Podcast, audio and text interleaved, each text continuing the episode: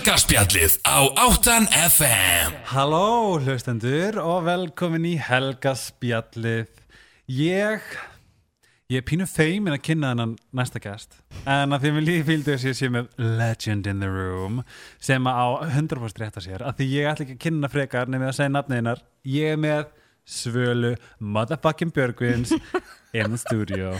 Hi baby Hæ, Hi hvað segir þau? Ég bara sé allt ásannlegt Það er búið að vera svo gaman að vita af þér á Íslandi Já, Íslandi já, langan tíma. Já, ég er bara búin að vera hérna alveg í, sinni í mæ Þú erum búin að vera sinni í mæ Já, ég kom í mæ og það er fyrsta skipti sem að ég bara í sko nýju ár sem ég ætla að vera í allt sömar Og hvað finnst þér? Fyrst þetta bara æði. Hvað ert að læra? Bara, ég er nú búin að vera að fara svolítið út á land og svona og njóta náttúrunar og, og hérna, reyndar er ég líka að vinna óslega mikið nýri músika því að ég hérna, er að fara að gefa út nýtt lag núna 20. júli, ég er farin solo þannig að solo er Ég held að þetta gera okkur, með Ísl- Íslendingum bara mjög góðan greið Já, ég meina þú veist, það, það er bara það er pínu gefið að the real me er svolítið plantað í rassin á okkur. Oh my god. Það er Blast from the en- past. en bara, og, hún- og and it lives. Já, veistu þetta lifið er svolítið góðu lífið þetta lag, svolítið fyndi Nei, bara platan. Já, finnst þið það? Allavega fyrir mína parta. Já, það er þarna nokkur, nokkur fín lög sko sem Já, að ennþá djóka? En segðu mér, ég ætla að fara að grípa fram fyrir þú sagðir að vera að fara til land. Það gæti verið að þessi hérna, þáttir sé það, að þetta sé búið en þú ert að fara að segja þessu verð Ég er að fara, fyrst fyrir sko daginn áður fyrir Mývatn og er með svona Ah. er eh, með reif á, á Mývatni. Sest, ég og Andri, AFK hérna tónlistamæður, við ætlum að vera með tónleika inn í svona flugskíli í alvegni sem að vera svona breytt í svona eitthvað reif sko. þannig ég ætla að vera alveg bara með sko 45 minna set sko af svona gömlum 90s hitturum eins og Finally með CC Peniston og Show Me Nei. Love og allt þetta dót sko. og svo ferði til sér daginn svo eftir. fer ég til segis fyrir að vera á lunga á lögatars Hefur þú farið til segir? ég hef aldrei kom, ég hvoru á staði? Mér langar næstu því að segja við þig. Ó, núna að fara í mat til mömmu. Sendu mig Nei, ég er að segja það Segja sér fyrir mér. Þetta er svo, aldrei koma ég er svo spennt. Og, mun- og, og málið er það sem fyndi Ég átti samtal við Stelpi sem þið Nanna, hún er sem sagt kom í lungaskólan Dönnstelpa Og við rættum það lí, nei, það var ekki hún Þetta var hún hérna Sigga á Boston, já, já, hún er fluttanga hún er flutta Já. Já, og ég var að tala við hann, þetta var meira sæk gær. Og við vorum saman um það að eins yndisleg og hugmyndum segir sér er þá er orkan ekki hugmynd veist, hún er, og ég er ekki tjóka ég, ég held, veist, bara gegnum tíðina hún er 100% alvöru. Já. Það að soga að sér orkuna sem býr að það er bara einhver svona meðferð út af fyrir sig. Já, ég hef heyrt það sko þess að ég er svo spennt að fara og einhvern veginn, já, sjúga þessa orku einhvern veginn inn í mig og, Já. og, þú veist, og nota hana og Og Finna hefur- fyrir henni. Já, þetta hefur verið bara í gegnum tíðina, ég meina, þú veist eins og bara Harpa Einars, hún Mhm. festi sér sest þarna á tímbili og, og bara þetta er, það er einhver kreatív og Mhm. nærandi orka þarna fyrir austan á segja sig, ég bara ég, ég geti líka líst henni nei, ég þess veit vegna ég það ætla bara hvetja því nákvæmlega. Statu einhver staðar, einhver staðar á svona mjög rólegum stað og bara andaðu af því að Já, it's gonna do you good. Oh, I will. En mér langar sko málið það sem er mjög gaman fyrir mig á sérstina er að Mhm. ég fæ að svala all, svala allri minni forvinni Já, ég, á þig. Ég bara og þegar ég var að fara yfir þig Já. Ég gerði þessum ekkert research ég ákvað bara að gera þetta frá hjartanum Ok, ég líst vel á það Er það ekki? Alltaf best að gera hluti frá hjartanu sko. Já, og það var einmitt bara svona marga spurningar eins og bara æskan og, hva, og bara, mm ég meina byrjunin Já, og ef við byrjum til dæmis bara eins og, þú veist hvern, það fyrsta sem ég hugsaði ok, þú veist pappiðin er pínu Elvis Íslands mm. Hvernig var, var var hann orðin stór þegar þú fæðist? Já hann, hann náttúrulega sko ver, verður popstjarnar 1968 löngu áður en ég fæðist sko Ah, þannig að ég, þegar ég fæðist þá er svona, já, þá er ég náttúrulega fatt ekki alveg hans í frægu fyrir en að ég er kannski orðin svona 8-9 ára Mhm. og þá er hann, þú veist, það er svona 80s tímabilið, sko, já. þá er hann þú veist, í HLH og er með, þú veist, og er náttúrulega orðin bara mjög svona, ef ég má, já, ef ég má sletta, established Mm. artisti, skilur og hérna og, og er að, þú veist, alltaf að spila allar helgar og túra all sömur um all land og þannig að, þú veist, hann var ekki mikið heima því hann var alltaf að spila. Það var náttúrulega bara svona á þeim tíma þegar artistar voru náttúrulega mjög mikið að spila og svei, það voru sveitaböll alltaf og allt þetta, sko.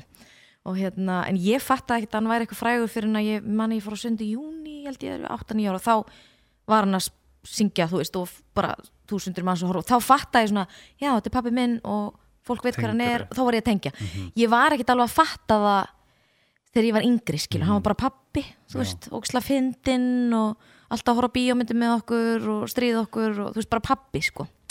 Er krummi yngri eldri? hann er yngri, Ok, hann er litli bróðum segð mér um, hann halda hvernig samt allar hans í eldri hans við fyndi, Þú ert svo ungleg. Maður er svona stelpuleg sko. Ertu með númer hjá læknin? Nei, ég er engin lækning, ég sver. Ég hef aldrei sett neitt í þetta Í andlit alvörinu? ég er ekki að Er djóka það það? Vistu það, ég hef aldrei gert neitt við andlitað mér. En þú ættir líka að sjá ömmu mína sem að er sko 96 ára og hún gæti verið svona 72 Á ég að segja þér eitt alveg ógeðslega fyndið? Já, Þú gerði myndatöku fyrir hérna húrra. Já, fyrir Eurovision. Og ég er mjög, ég er bara svona ég þekki minna mynd, mynd, mynd, mynd, myndvinnslu mm vindvinnslu og hérna og ég tók að mér að, að bara fiffa mm -hmm. loka myndina, ég er henni masteraði myndina. einmitt, ég man eftir. Og ég var, og ég man ég hringdi í ljósmyndur og sagði, á, ertu búið með húðina? hann eitthvað, nei. Og þá hugsaði ég girl, she's been in LA Já, það er alltaf máli og fólk heldur að því ég bý í LA að þá, þá sé ég alveg að láta gera eitthvað. En ég, ég er bara fát okkur listamör ég hef ekki pen til þess að fara í þessu dýru meðferðir sko, þar sko. að og svo er, og svo er ég svo ógeðslega hrætt við allt svona nálar og ég líka samt sitið við hérna með sko, já, sko það er annað með flúrin já, líka. en að fá þetta sko nálægt augunum eða í andlitið ég er bara ekki séns. Þú veist, Ég ég er bara fyrir tannlæknir sem það taka róandi skilur ég líka, Já. það var gert um daginn og ég bara þetta tók, tók 20 mínútur að spreyta Já. Ég, ég bara, já, ég meika ekki. Þannig að ég, hérna, ég meina ég er ekkert að útiloka getur vel verið að maður gera það setna meira eða eitthvað skilur en, en mér finnst ég bara ég er bara mjög heppin. Ég held að þetta sé svona genatíst í Mhm. minni fjölskyldu þú veist að veginn konunnar í, í fjölskyldunni eldast mjög hægt ég elska bara að þú ert búin að votta fyrir það fólk hefur pottið spurt sig út í bæ alveg, Það svona- spurt mig alveg bara Já, það hefur oft- fengið spurninguna já, bara. já, já, bara Botox og, og svo þegar ég fór í Eurovision þá var svo, fyndið, þá var svo mikið að mitt fólki náttúrulega ræða, þú veist, um þeir sem að voru að keppa og þegar Já. ég var í viðtölunum og þá, þú veist, þegar maður skoða kommentin, þú veist, þá er alltaf bara það er ekki sens að hún sé þetta gömul okkar bara, Botox, Botox, Botox allir heldur ég Botox, mér varst það svo mér varst, það það að var varst það bara gaman, ég var Já. alveg nú, ok, takk aðeinsla það lítur ég bara ég að fara svona vel með húðuna mína eða eitthvað, ég sko. nefnilega sko, það kom einu sinni mjög mikil hérna það kom kjaftasaga mig sem að kom frá klippistöðum mm, og það var þessi stelpa sem er að austan sem að hefur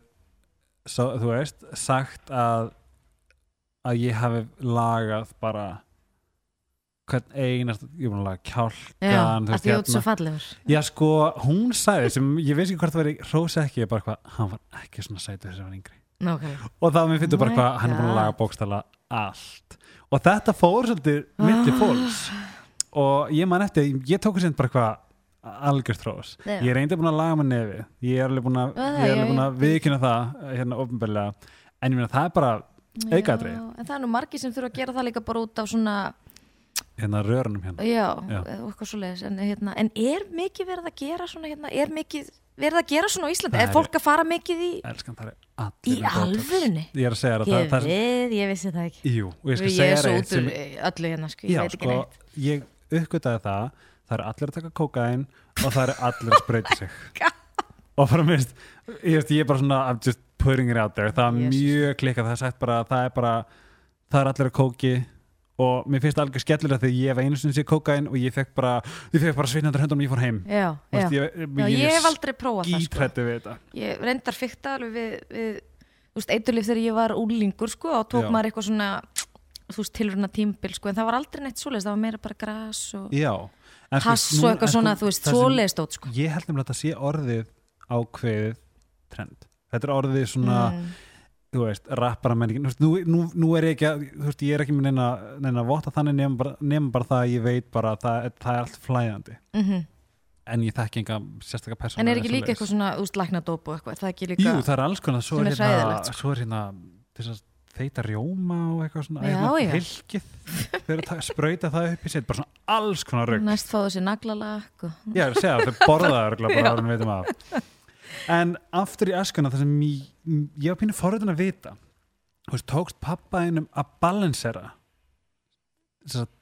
rockstjörnum lífið Elvis Presley gata ekki og fjölskyldulífið. Þú veist, fann, þú veist, Mhm. var var þetta var þetta holdt, skiluru, á þessum tíma var þetta þægilegt?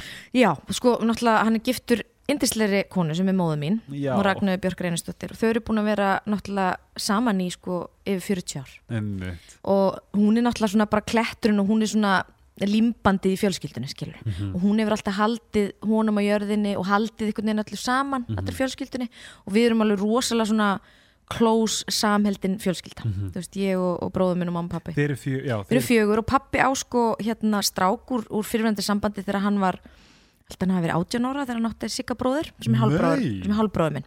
En hann ólst ekki upp með okkur en þannig að hann, þú veist, ég er að kynnist honum meira þegar ég er orðin úlingur ah, þá svona, þú veist, fer ég að kynnast honum mjög vel og, og hann, við erum mjög, þú veist, náinn í dag, hann er alveg indislegur, indislegur maður, hann er náttúrulega mikið eldri en ég. Mhm. en hérna, en það var alltaf balans, ég meina, eins og ég segi, ég fann ekkit mikið fyrir því að pappi væri í bransanum þannig séð nema þegar þú veist vinnir hans voru að koma og það var allt, þú veist, Halló Latti og Gunni Þórðar og þú veist, það var allir bransin alltaf heima hjá manni skilur einmitt. Og hérna, við, sko, við byggum út í Hafnafyrði þá ég var nýjára Mhm. og svo flytjum við út á Seltjarnanes uh, rétt eftir nýjára og ég, við búum þar alveg þá til að ég klára gagfræðskóla þannig að svona aðal árin mín eru út á Seltjarnanes þannig ég myndi segja þessi meiri Seltjarningur heldur en Hafringur, sorry Hafringar. Ég elska Hafnafjörsa að því að ég svona, þú veist, þar fer ég í gagfræðskóla og þú veist, hérna 9 til 12 ára bekkjar og svo flytjum við nýri miðbæ þegar ég fer í kvennaskóla, þegar ég fer í mentaskóla Mm. og svo flytja þau aftur í Hafnafjörðin og þá flytja ég heiman eða sérst þá flytja ég til Los Angeles Já. í fyrsta skipta því þá sæna ég við sérst IMI í bandaríkjanum og þá ég klára bara mentaskólan og flyt út þannig að ég er raun og veru já, er bara ég í Hafnafjörðinu þegar ég er svona lítil sko. Mhm. Þegar, þegar þú tek eins og þú veist, hvenar, þegar, þú náttúrulega byrja líka ung. Ég byrja að syngja mjög ung en, en ég, það svo fyndi, fólk heldur yfirleitt að, að pappi hafi eitthvað svona verið að íta mér úti, ég þurfti að ég þurfti að grát það. um að syngja. Hvenar vissur að þú væri actually með rödd Sko mér varst alltaf gaman að syngja þegar ég var lítil. Ég var samt í ballett sko, ég var í ballett í þjólikúsinu í átta ár og ballettin var svona alveg nummer 1, 2, 3, 4, 5, alveg neyri 10 sko. Það var bara, ég ætlaði að fara í ballett college og það var bara, ballettin var bara líf mitt. Það var ekki söngurinn. Ah. og hérna, uh, ég syng fyrstin á plötu þegar ég er 7 ára, syngi bakrættirinn á lag sem að Ómar Ragnarsson gerði þessu jólalag. Og svo syng ég fyrir jól með pappa þegar ég er 9 ára og svo ég hlakka svo til þegar ég er 11 ára. Ég ætla einmitt að spyrja um þessi tvö lög Já, þess að þú ert nýjára í fyrir jól, fyrir jól, fyrir Já. jól, þá er ég 9 ára. Okay. og 11 ára ég hlakka svo til en ég þurfti sko að grát byggja um öll þessu lög því að pappi sagt, vildi ekki ég myndi syngja og vildi ekki ég var í bransanum. Og svo þegar fyrir jól kemur út þá verður það náttúrulega rosalega vinsælt og í kjölfari kemur út sko tveimur árum setna kemur út svo til og það var alveg bara sjúklega vinsælt.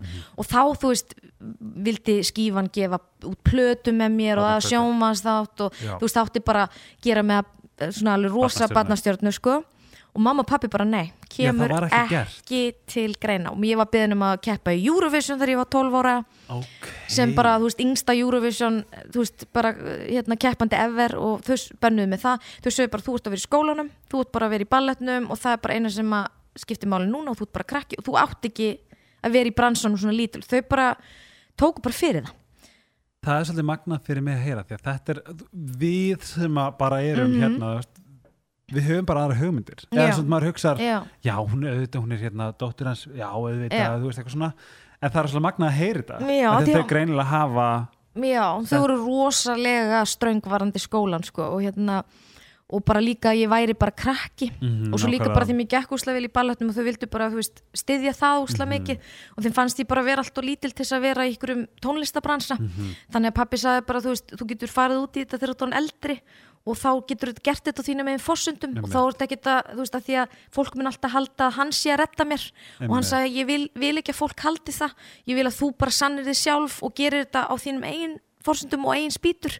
Og þannig að þegar ég er 15 ára þá er ég bara búin að eðalegja með hnén þannig að ég hefði þurft að fara í aðgerð ef ég ætla að halda áfram í balletnum þannig að þá ákvað ég að hætti í balletnum sem að var ókslega erfið ákvörun Hvað varstu gömul þarna, segir 15 Ok, og svo þegar ég er 16 ára þá sem sagt, byrja ég bara að gera tónlist af því þá fór ég bara alveg í það því að ballettin var búinn. Og þá fór ég að vinna með sagt, margir, DJ Margir og, og hérna og, tveimur öðrum strákum og við stopnum hljósut sem heitir Scope og gefum út lag sem heitir Wostold Was sem að varð svo bara svakalegt hitt á Íslandi þegar ég er 16 ára og sem að ég raun og veru gerir mig að svona stjörnu sem sko það sem að ég er ekki badnastjarnar skilur og það er meira bara, ég er að gera bara Bara sönguna. 90s danstónlist sko. Og þá byrjar minn ferill eiginlega alveg, alveg bara þú veist, svona minn ferill sko. Og pappi kom aldrei nála því. Og ég byrja þá að gera fullt á lögum náttúrulega með margir og þeim í því bandi og er að vinna með öðrum pródusentum hérna heima. Og svo í raun og veru byrja ég að vinna svo mikið ellendis eftir það. Og þá er ég bara, þú veist, alltaf út í Breitlandi og Skotlandi að vinna með pródusentum og, og svo fjórum mánu setna skrifa ég undir samning í bandarækjunum við EMI og Priority og þá, þú veist, fer ég að vinna að Real Me plötun og allt það, en það er allt út af sko Vostol Dós sem kemur út af það þegar ég er 16 sko, Hvað stjörnum gertu? í Vasperi En mamma þín? Mamma er tvíburi. Hvað ertu? Ég er tvíburi. Þegar þú varst að- lýsa neðan það fyrsta sem ég hugsaði hún er potið tvíburi. Já. En finna, ég, ég er búin að segja þetta með þess að í podcastinu ég veit ekkert um Aspera. Nei, vaspirar eru er bara En vaspirar og tvíburar eru yfirleitt sko bestamatsið bestamatsið í sem vináttu og í ást. Sambandi. Já, Það er svona, við og vinum líka. við getum verið backup fyrir eitthvað annað. Ef við endum gömul Samþygt og þá getum við, þú veist, bara go crazy. Nákvæmlega, ég er svo til í Þetta er allavega, þú veist, gott mats. Já, já. En segðu mér, þú sem sagt Já, nei, það var ein spurning sem ég verða að spurja að það var ógeðslega að ég hætti ekki að hugsa um þetta, ég var, ég var að fljúingað og þessi spurning, ég bara veistu ef ég gleymi spurninga, ég mun ekki fyrirgeða mér. Hefur séð myndina About a Boy? Já, hann á peninga, já. veist af hverju? Út af því hann gerði þarna jólalag. Já En máli er að hann samdi jólalagið ah, Ég ætla að spyrja það Ég er- samdi það ekki Ég, ég ætla að spyrja, er, það bara. er skvís að synda í peningum í jólunum? Nei, það er nefnilega máli sko. Þú þarft að semja tónlistana til þess að fá peningar sko. Ah. En sem betur fyrir hef ég samið mjög mikið á músík eins og Mhm. ég samdi Real Me og Paper og fullt, á- lögum hef verið að semja alveg frá því ég var já, 16 ára En ég náttúrulega var ekkert að semja þegar ég var svona lítil sko. Mhm. Þetta, voru, þetta voru hérna, þessi jólalögur all ítölsk poplög sem eru bara þýtt yfir á íslensku Nákvæmlega Já, Ég fann lag með Sil Dion bara í fyrradag Já. sem er þarna Frostrósleið, official Frostrósleið Já, það er mjög mikið gert svona hérna á Íslandi og komdu um jólin, það er bara eitthvað júrósalag já, já. og þannig að þú veist mikið af þessum jólalögum til dæmis sem að koma út á þessum jólaplötum hans pappa voru í- ítölsk poplög sem að ég og pappi völdum rosalega mikið fyrir allar þessar plötu vegna þess að ég fór alltaf hvert einasta sumar, við fórum alltaf til Ítalju ah, vorum þar á sömurinn og og pappi voru miklir Ítalju bara brjálæðingar, elska Ítalju og ítalska músík og matinn og bara, þú veist, kultúrið sko. Bellissimo.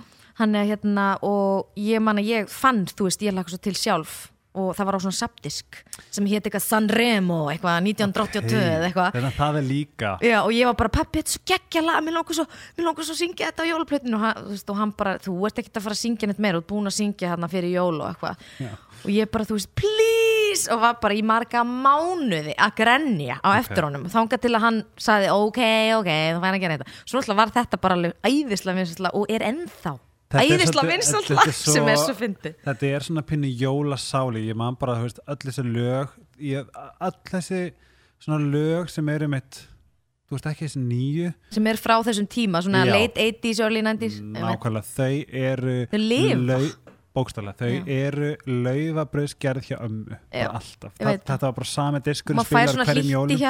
veginn. Ert að grínast? Og svona eitthvað, þú veist, eitthvað svona íslenskt eitthvað svona, ég, ég veit Þetta er það, þetta er svo þetta- fyndið þetta er bara best. Ég veit allt, ég, man, ég hef eitt mörgum jólum út í LA og þá er ég alltaf með bara Spotify, svona íslenskan jólista og ég hlusta er með bara á og ég hlusta bara á íslenskt og það Já. er bara eina sem kemur mér í jólaskap. Ég er- ég get ekki hlusta á neitt annað ég er þú veist, þegar Vá. maður er úti sko.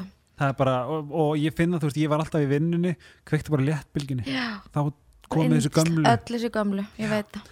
Þú skrifar undir samning í LA mm 19 ára, hvernig kom hann til?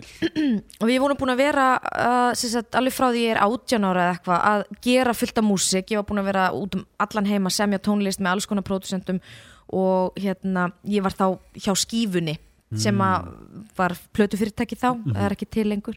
Og hérna, og þeir í raun og veru það er sagt Jón Ólafsson hérna sem að uh, er með Æslandi Glacial í dag, hann er nú ekki í músíkbransunum í dag. Já, og hann, hann sem sagt Ég held að var að tala um hann að Nei, ekki, ekki, ekki, Ekki- nýtönsk Jón, sko, heldur annar Jón. Mhm. og hann var náttúrulega í músikbransunum þá og hann sko sænar mig þegar ég er eitthvað 16 ára þegar ég er í, í skóp Mhm. og er hann að gera Wostold og allt þetta 90s danstónlistadót og hann svona í raun og veru er að sjoppa mig eins og kallast að sjoppa mig út um allan heim Já, sko við bara- alls konar leipul bara mannstýra, og svona manager og líka mitt svona bara pizza. pizzaði þannig að það er eitthvað sem pikki upp projektið og fari með það lengra. Af því Já, að hann já. hafði bara alveg rosalega mikla trú á mér og, og á þessari músík sem ég var að gera. Og hérna og ég var það heppin að það voru svo mörg leipul sem hefðu áhuga að það var svona eins konar að það kallast bidding war. Mhm. þannig að það voru fjögur leipul sem að fóru í sko hæstbjó, hver er hæstbjóðandi í peningalega séð, nice. Þannig að það var hérna, það var Sony, það var EMI og það var Capitol og það var Interscope og allt í bandaríkan og við fórum bara með þeim sem að bauð hæðst sem að var EMI og það var eitt stæðsti plötu samningur sem að nokkur íslenskur artist hefur gert sex plötu samningur já, sex plötu samningur uh, þú veist, ég held að já, miljardur settur í pr- projektið eitthvað svona brjálaði sko. Oh já, þú veist, ég var nýjútskrifu úr mentaskóla sko. Hvernig, hvernig, var þinn, hvernig var þinn líðan þarna? þetta var súrjalist sko. Já, út af því ég fór til New York til þess að fara á alla þessa fundi og ég tók pappa með mér af því ég var svo hrætt nákvæmlega. Og ég var með tvo löffræðingar frá skífunni, ég var með Jón Ólafs og annan, annan mann sem heitir Steinar Berg. og þú veist, ég var bara lítil, skilur. Ég hafði bara verið að vinna óslega mikið í Evrópu með artistum, mér, hafði, mér var búin samningur við Virgin í Bretlandi þegar ég var átján, en mamma og pappi bönnuðu mér að því ég var ekki búin að klára stúdendin þannig þannig að þau voru bara, þú verður að klára stúdendin og þá máttu sæna, þannig að ég kláraði stúdendin og þá mátti ég það. Ok, þannig ég þurfti að segja nei við því. Það klikka samt. Þau voru svo ógæsla ströng sko. og hérna og, en ég er óslega fein ég útskrifaðist sko. og hérna og svo fór ég hérna út og, og þurfti að syngja náttúrulega fyrir öll þessi leipul og syngja ykkur þú á veist staðnum, á staðnum sko með playbacki bara live ykkur fjögulög og, og ég man ekki hvað þetta voru lög sem að ég var að taka upp á þeim tíma sko. Já, sem að frumsaminn já frumsamin lög sem á ykkur aðeim enduðu á, á rílmi plötun ég man ekki hva, hver þið voru sko. Falling.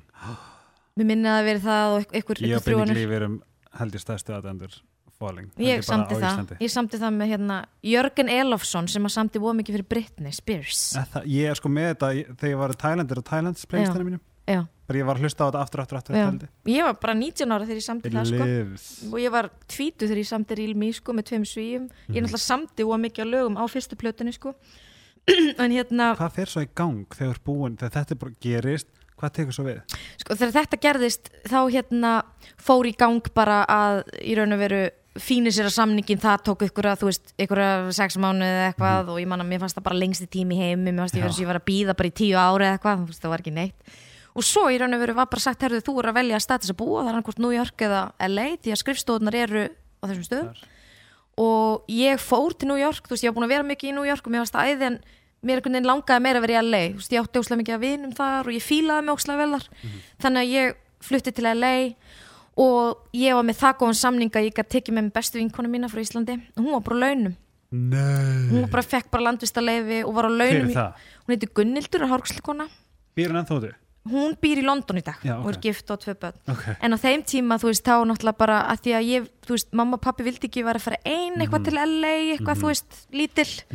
Þannig að hérna, það var bara skrifað henni í samningin að hún væri bara svona, þú veist, það var skrifa personal assistant en hún var ekki assistant minn, hún var bara besta vinkonu mín skilur Nákvæmlega. og var bara á launum skiluru og við vorum bara, já, ferum þarna út þú veist, pingulittlar bara til LA og bara ég fer að vinna plötunum minna og, og hérna, og bara þeir bara fengu fyrir mig íbúð og bíl og svo, það var bara hérna þrjár miljónir hérna í fatapenning hérna og já þetta var bara Þetta var bara crazy. punkt það er bara, ég menn, þetta er, þú veist, ég sæna sko 99, þetta er sko því end, skilu, þetta er svona þegar þessi bransi er í raun og veru að breytast og fólk er, en, það er ennþá að kaupa geisladiska, en svo náttúrulega breytist það sko, Þetta er, kringu, er þetta ekki bara í kringu þegar Britney var að gefa er fyrst Britney og InSync og allt það er hjút, skilur já.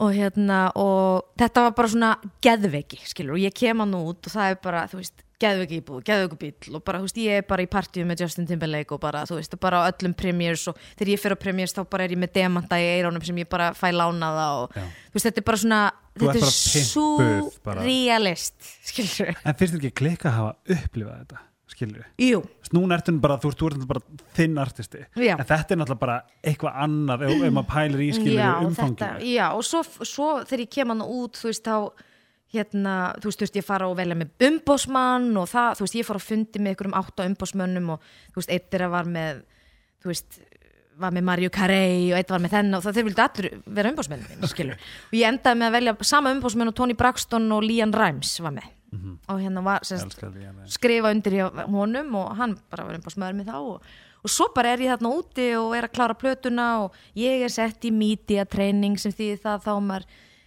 kótsaðar að fara í viðtöl og fara í sjónvarp. að í, ég var reyndar alveg með flawless ameríska Já, heim ok. af því ég var, hafði verið í bandarækjunum frá því ég var bara einsás af því að sýsti pappa bjósist í bandarækjunum í 38 ár. Mm, þannig að ég í raun og veru talaði bara alveg og kanni. Ok þannig að það, það var meira svona bara að kótsa mann sko hvernig maður ef maður fer í sjónvarsviðtul að vera veist, að geta sagt stuttorlega frá ykkur og setta í samhengi Mhm. Koncept og allt þetta já. svona sko. Þannig að og svo var ég í vó, vókal ég var með sama vókalkóts og Michael Jackson til dæmis. Og ég fór í, í endtökuprófi á honum og hann var náttúrulega, hann er dýrasti vókalkóts bara hann í LA, hann heitir Seth Riggs fólk getur googlað hann. Og hérna, og hérna ég man ég er fór í það sami og var á síðustu tónleikunum hans. Takki, uh, hann, er, hann er svona eins og jólasveitn hann er svolítið þippin er með hann skegg. hvítur? Hvítur, já ok, ok, það er hann. Eldri maður og hann var með honum mest sko þegar hann gerði bad og thriller. Oh fuck my life. Og hérna og ég, svo var ég með annan vocal coach sem að ég raun og veru hjálpar meira með, með hérna með uh, vöðvastyrkjun sko Mhm. og hann var með vitni Houston, þannig að þetta var bara svona insane dæmi. no big deal. Og ég fór í indökupróf hjá þeim báðum og, ég, og ég og komst inn sko því að það er mjög erfitt að komast inn hjá þeim. Þeir taka bara fólk sem að þeir vilja að vinna fara, með. já. og ég man eftir einu sinni þá var ég þú veist í tíma því ég var, ég menna ég var hverja einstu viku, þá ringdi Michael sko og var að byggja hvort að hann geti skipt við með tíma. Og, og Seth bara, svolítið getur skipt við Michael af því hann, hann, ég þarf að fara heim til hans? Little Mike, Já. Mike. Og hann var í símanum sko og hann bara svolítið getur skipt við hann hérna? Þennan dag og þannig og þú bara skiptu við. Og ég alveg, það er mál. Bara, þetta er fáralegt skilur. En þa- það ég var að lenda í svona hlutum sko. En veist, þetta var svona það jákvæða, þú veist, En- og skemmtilega. en þarna var líka, þú veist, var þetta ekki líka bara eins og, þú veist, þarna var bara bransinn svona þetta er náttúrulega, já, þetta er náttúrulega sko áður en þetta breytist svolítið það er náttúrulega ekkert verið að gera eitthvað svona þetta er samninga. dag það er ekki verið að setja svona mikla peninga í artista til þess að developa það og það er miklu meira bara að vera að gera litla samning og sjá hvernig gengur mm því að plötusala náttúrulega, það er ekkert verið að kaupa Einmitt. geisladisk, þetta er þegar geisladiskar eru ennþá að seljast. Nákvæmlega. Og svo þegar, svo hérna en sko, svo var að mér, þetta var mjög mikið stjórna ég fekk í raun og veru ekki að stjórna miklu og mér varst það svona eftir að hekja mjög vond að því að til dæmis ég í raun og veru var bara hrifin af helmingun, helmingurinn af plötunni var ég að fíla skilur, hinn helmingurinn voru lög sem voru tróðin upp á mig skilur. Varst ekki bara að pinna ping-pong bolti? Jú, það var ekki svolítið verið að þú ert fara Jú, og það bara að því að þeir vildu bara þeir voru að eyða svo miklu pening í mig þannig að ég í raun og veru gat ekki alltaf verið með uppsteitt sko. Einmitt. Og þeir, þú veist, lögum aldurum minn, þú veist, allt, ég menn, ég var 20 og, þú veist, 20 ára og allt í hennu var ég 18 ára í öllum blöðum, þú veist, ég opnaði Cosmo og þá bara 18 ára og hérna svala frá Íslandi og ég alveg, það er bara búið að ljúga um aldurinn hjá mér skilur en þeir gera það við alla by the way Er það? Katy Perry, ekki að sé þetta er allt búið að taka fimm ára af ég ætla bara að láta guða það Nei. núna Jú. þetta er alltaf bara Við höfum reynda gert það upp á lít líka þetta er, þetta er gert við alla sko. Já. og hérna, þetta er gert við leikara líka úti. Og er bara, okkar, sko. þetta er bara í, í bransi virka bara þannig að það er alltaf tekið að skafa það þess og hérna og, en mér fannst þetta svona, mér fannst það vola erfitt að því að ég haldandi að ég var að fara að gera algjörlega mitt. Mhm, nákvæmlega. en svo náttúrulega var þetta svo miklu peningar í húfi að þetta var 30 manns sem að voru inn í prótjötunum mínu sem að öll, allir höfðu álit og allir Mhm. höfðu eitthvað að segja. Þannig að ég í raun og veru réð, réð ekkert miklu sko. Hvernig var þetta samt fyrir hva, hvernig var þetta fyrir þú laðast á kottan á kvöldin, skilju Það hlýtur að hafa verið pínu þetta var alltaf yfirþyrmandi og, og svo var ég bara rosalega þreytt af því að ég menna, við erum að tala um þú veist, það var búið að skedjulera mig bara næstu tvö árin. Og ég var bara, já ok, þú veist, kemst ég kannski til Íslands í einn dag? Því þetta var bara svo mikið geðveiki sko.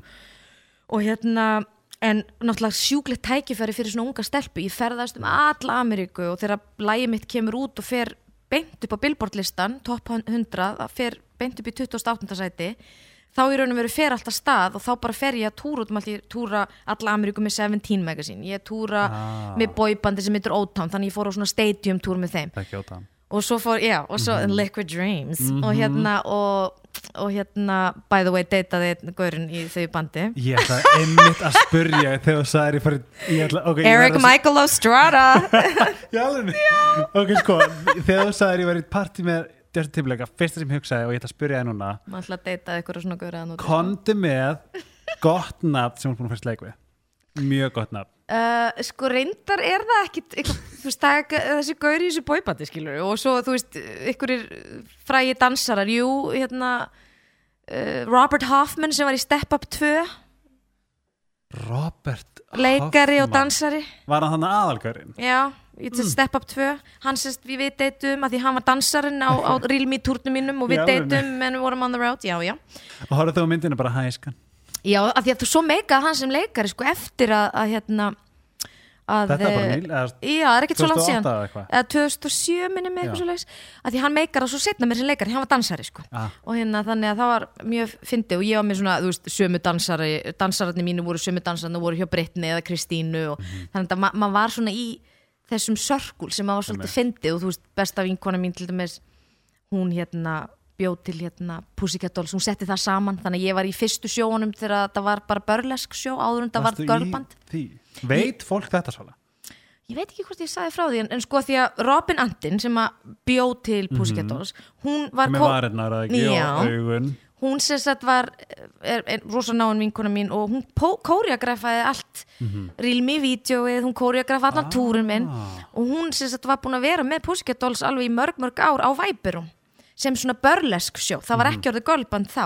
Og fólk eins og Charlize Theron og svona voru að koma og gesta. Þú veist Gwen Stefani voru að koma að syngja og dansa með dönsurum, þannig að ég gerði fullt af sjóum með Gwen og með Carmen Electru þar sem að ég bara söng þú veist, hey big spender. Já, tók já, það já. skiluru og maður var þú veist í öllum fötunum skiluru á, á Væperum og við gerðum það rosalega oft sko þarna 2000 og, frá 2000 til 2001 sko. Var Nicole komin þá? þá var Nicole, ekki komin. alls ekki komin. Þá var þetta bara burlesk sjó og svo það var ekki fyrir 2002 eða 3 sem að hún sænar þetta við Interscope og býr til girlband úr þessu Ok, og byður mig um þetta að vera í þessu girlgrúpu. Og og ég sagði bara það, ég er ekki fara að vera í girlband Ok, líka bara ef hefðir, það er annað ef verið, veist, ef, ef það væri, þú þú hefði verið aðal, ef að, Já, æskilum mig, og maður vissi það alveg að þú veist að ég þekkti þú veist nokkra stelpurnar sem að voru sérst, settar í bandið mjög vel. Ah, og, hérna, og það, þær voru bara búin að segja mér að Nicole verður aðal. Og hinar eru í raun og veru alla bara annarkvort að dansa eða syngja bakrætti sko. þannig að, hérna, að ég afþakkaði það bara en ég meina samt gaman að hafa tekið þátt í að þetta var svo flott sjó þegar þetta var bara börlesk sjó. Að því þá var þetta bara svona eins og veist, Chicago eða eitthvað svoleiðist þú veist, hérna útrúlega flotti dansar og, og hérna úslega skemmtileg músík og þá var þetta náttúrulega ekki meira popgrúpa. organik kannski. Já, það var þetta bara ekki popgrúpa, það var verið að taka svona gömul strísaralög og þú veist og fjæðrir og eitthvað svona mm skemmtilegt. En hérna, en já, en svo hérna, Varst í þessu í kringum The Real Me, já, ég var, Ah. var að því ég bý sko LA í rúmlega tvö ár frá 2000 til 2002 Mhm. og er þá uh, að gera oft sjó með þeim á væpurum þegar ég er í bænum sko. Ok, og hérna og, það var bara svona hobby, brúslega gaman að því að þú veist, ég átti svo mikið af vinkonu sem voru í sjóunu og, Mhm.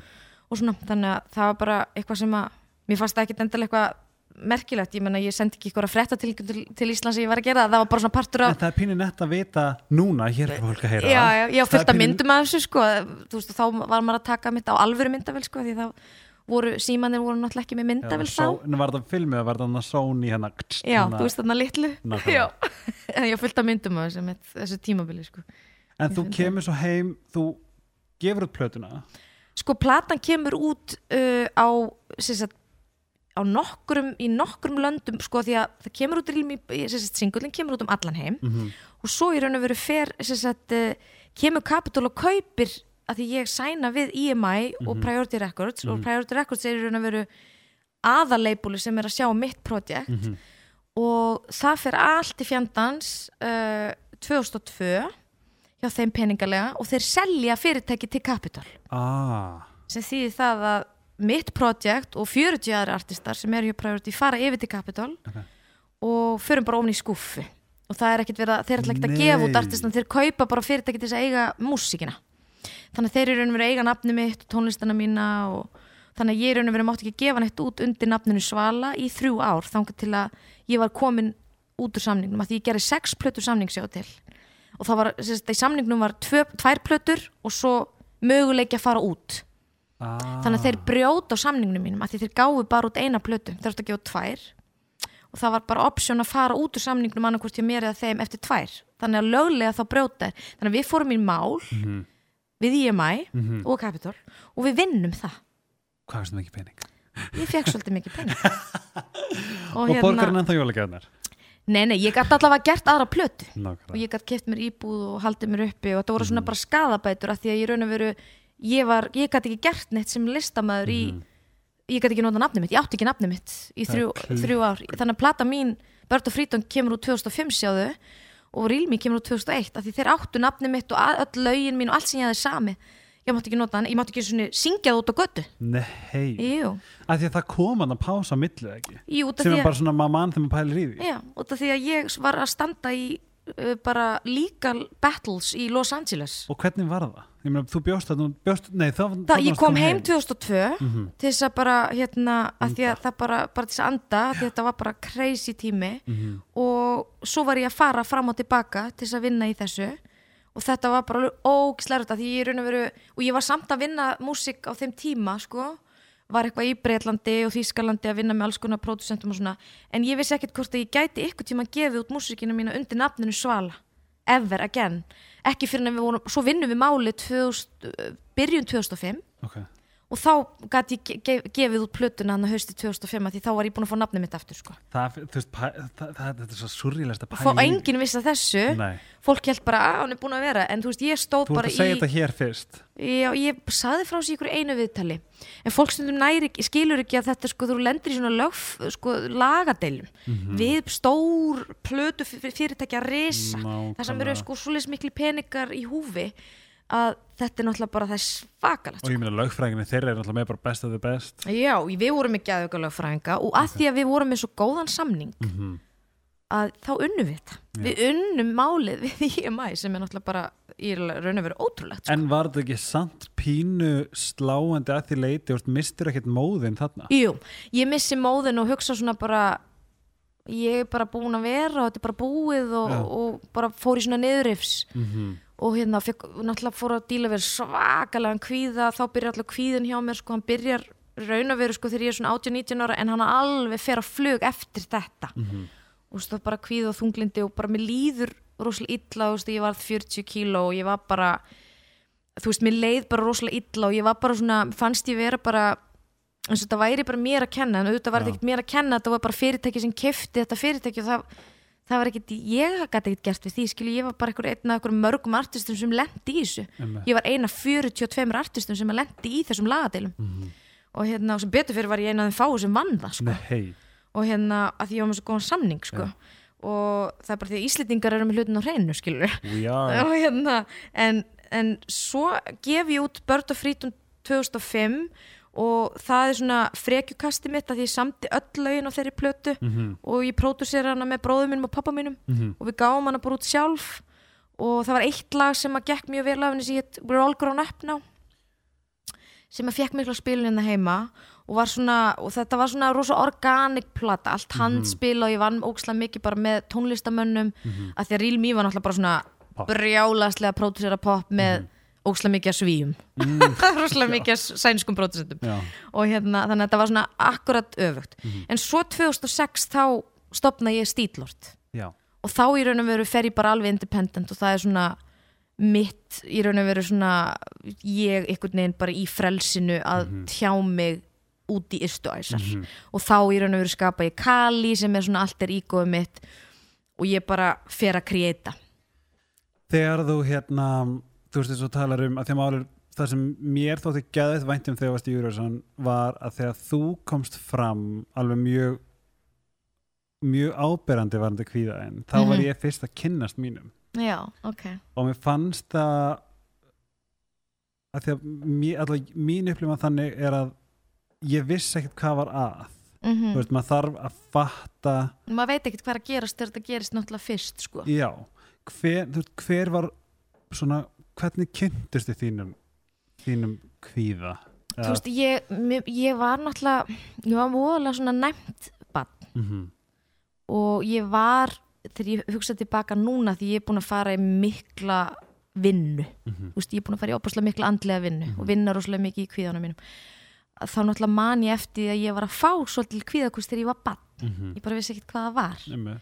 Og var svona svolítið kvíðabann og var, þú veist, byrjaði að hugsa um, þú veist, ég hætt við að deyja og allt þetta þegar ég er ekki nema kannski 6-7 ára, sko. Mhm.